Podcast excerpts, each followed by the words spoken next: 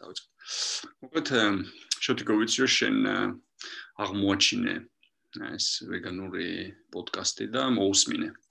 მაინტერესებს როგორ აღმოაჩინე, სად აღმოაჩინე და შენი აზრი მაინტერესებს ბოლომდე უყურე, რაღაც ნაწილს უყურე, როგორ ფიქრობ საინტერესო იყო, რა იყო შენ საინტერესო, მოკლედ ეს საიდან საიდან ძგენ დაიწყე. აა ეს კუფი აღმოაჩინე დღეს გაკვეთილებს რომ მოჩი. Facebook-ზე შევედი და შენ გაზიარებული ვნახე და დამაინტერესა შენ ყავი და შენი მეგობრები. ხო და იქ ეწერა რა ყვების შესახებ როგორ ჭამოთ დღის განმავლობაში ისე რომ მაგალითად არ დახვაჯოთ ბევრი რა. ესეთი ლაპარაკიც იყო. დამაინტერესა რაზე იყო ლაპარაკი რა საჭმელებზე და მოკლედ ჩაუჯექი რა ეგეც თქვა. ჩაუჯექი. ბოლომდე უყურე? დამაინტერესა.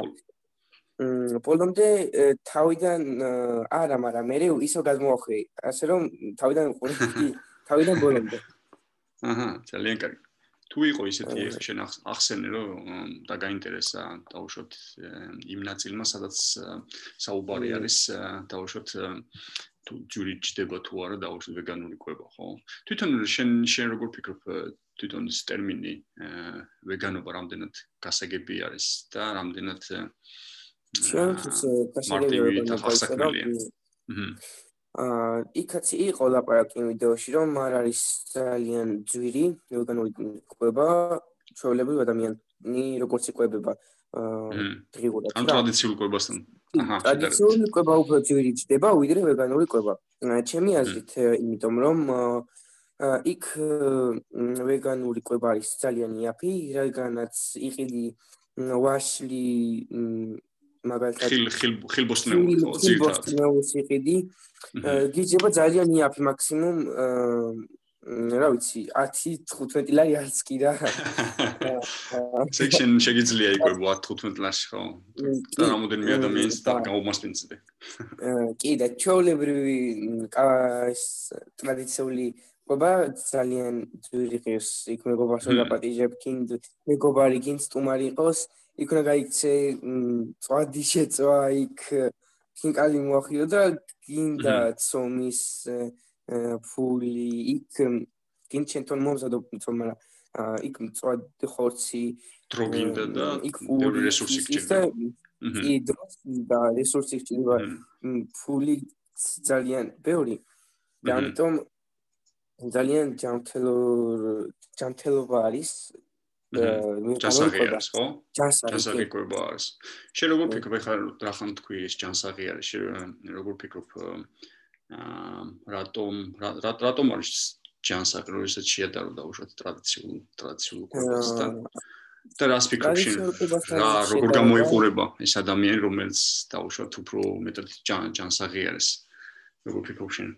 აა ჩემი აზრით რაც კიდე აი ბევრი ხანი, დიდი ხანი რომ დაუთმო ვარჯიშს და შემდეგ მირთვა კახური ტრადიციული საკვები არ დაგეთყობა არაფერი, არც ვარჯიში, არც ტყუილად, კარგად დრო.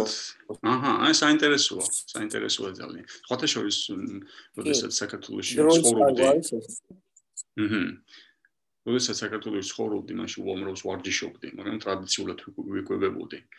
და ესე იგი ძალიან წვალობდი რომ რაღაცნაირად ეს დეფინიცია ხო? როგორც შენ გაქვს ახლა ეს პრეს ეს რო გაქვს აქვია გამოზნის და გამოსახული რო გაქვს კუბიკები ხო? 6 კუბიკი ისე მინდა რომ მქონოდა მაგრამ სამწუხაროდ ამას ვერ ვახერხებდი იმიტომ ჩემი კვება ძირთა ტრადიციულ ესე ვთქვა ხორცს აა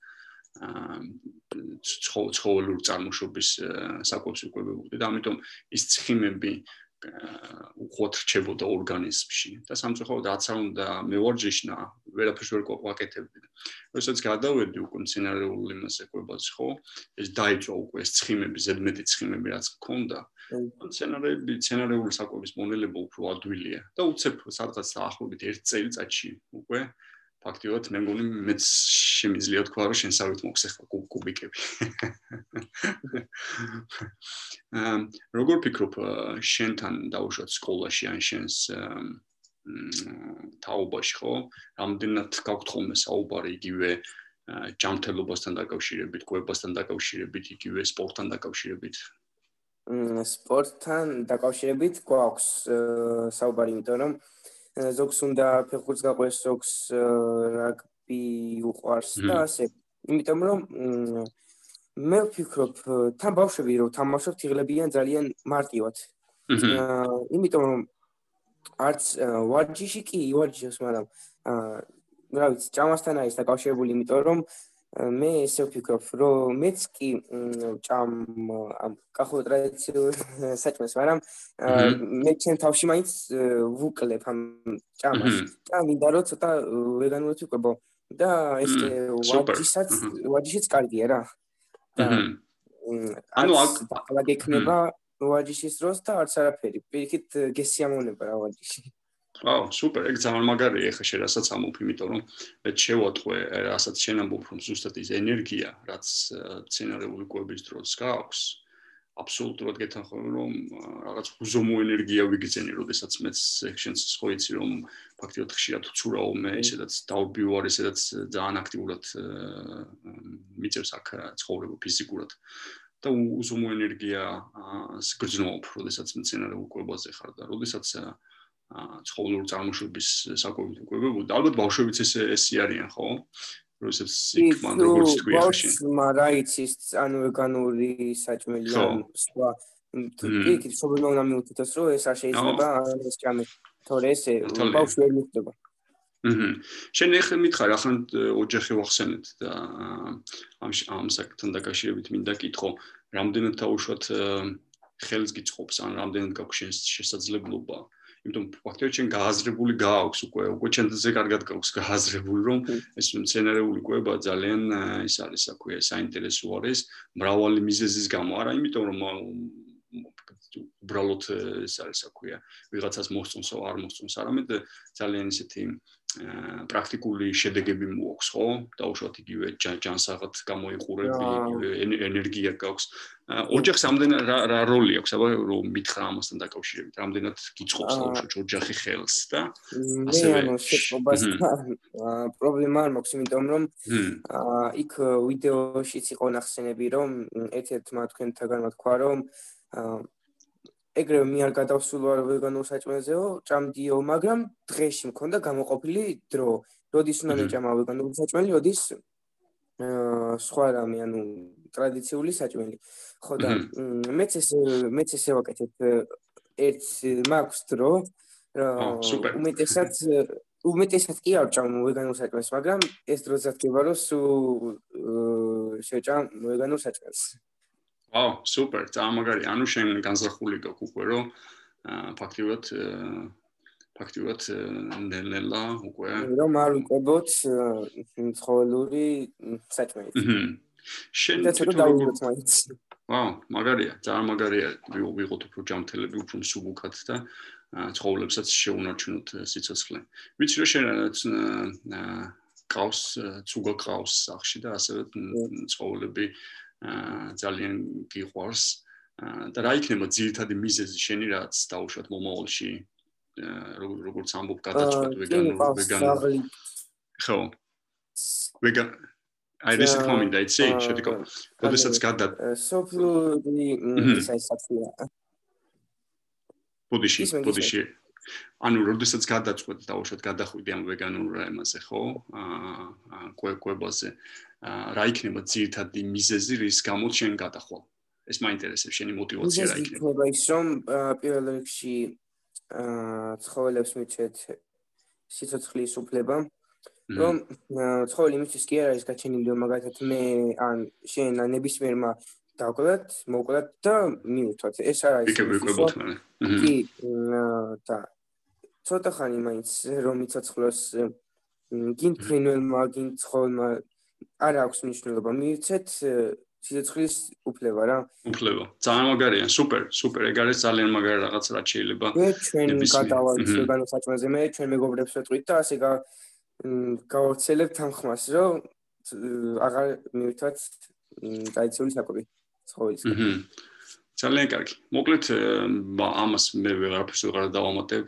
დიდი მადლობა. მოკლედ შოთიკო ცხოვრობს გითხარი საცხოვრობ და მოკლედ რომ იცოდეს სმენლაც. თოფელში დაჩი ყარის რაიონში შეიძლება. ვაუ, სუპერ. სოფლურ ცხოვრებას იქ ქათამი, კურდღელი, მაგრამ მე კი მივხვდი თავიდან მე რომ ამ ქონ თავიდან გაზრებული რომ კი მინდოდა კურდღის ყოლა მყავს, მაგრამ ერთხელ დავყალი ოჯი, მაგრამ ძალიან შემეცოდა ისეთი სასტიკი ის ქონდა ხმა. და შემდეგ უკვე წერტილი დაუსვი რომ ამას მე აღარასდროს გავაკეთებ არც კურდღელს არც ქათამს და ასე არც ეცულიეს. და მეგობრებს. კი, არა, არც ეცულიეს. კი. აა სუპერ. ძალიან მაგარია. მე დავამატებ იმას, რომ შოთიკომ ეხლა ხანს ფაქტიურად გამოიხსნა კურდღელი და დაიხსნა სიცოცხლის ან შეუნარჩუნა სიცოცხლე რეალურად, როდესაც აა რამოდენიმე კაც რეალურად გამოსტა სახელიდან, ხო, ეს რომლებიც რომელსაც საკვებად უნდათ მიერთვათ კურდღელი და მე მგონი არ ვიცი რა შესთავაზე, როგორ მოახერხე, მაგრამ მოახერხე ისო წამოგეყვანა და გადაგერჩინა ეს და ძალიან მაგარი არის. მოგეთ დიდი მადლობა, ესე ძალიან საინტერესოდ მეც ბევრ რაღაცებზე დამოფიქრე. შენი საუბარი ბევრი ახალგაზრდასთვის შენ ტოლისთვის ძალიან გამომხნევებელი იქნება. დიდი მადლობა რომ მოკლედ ისეთი საინტერესო საუბარი გამოგვივიდა. მოგე დაგემშვიდობები და წარმატებები შენს ვეგანურ ცხოვრების წესში და ცხოვრებსაც კიდე დაწუნებული ვარ რომ კარგად გაუფრთხილები და მოგე. აუცილებლად. აბა, დროებით ბენიერად. დროებით, ნახვამდის.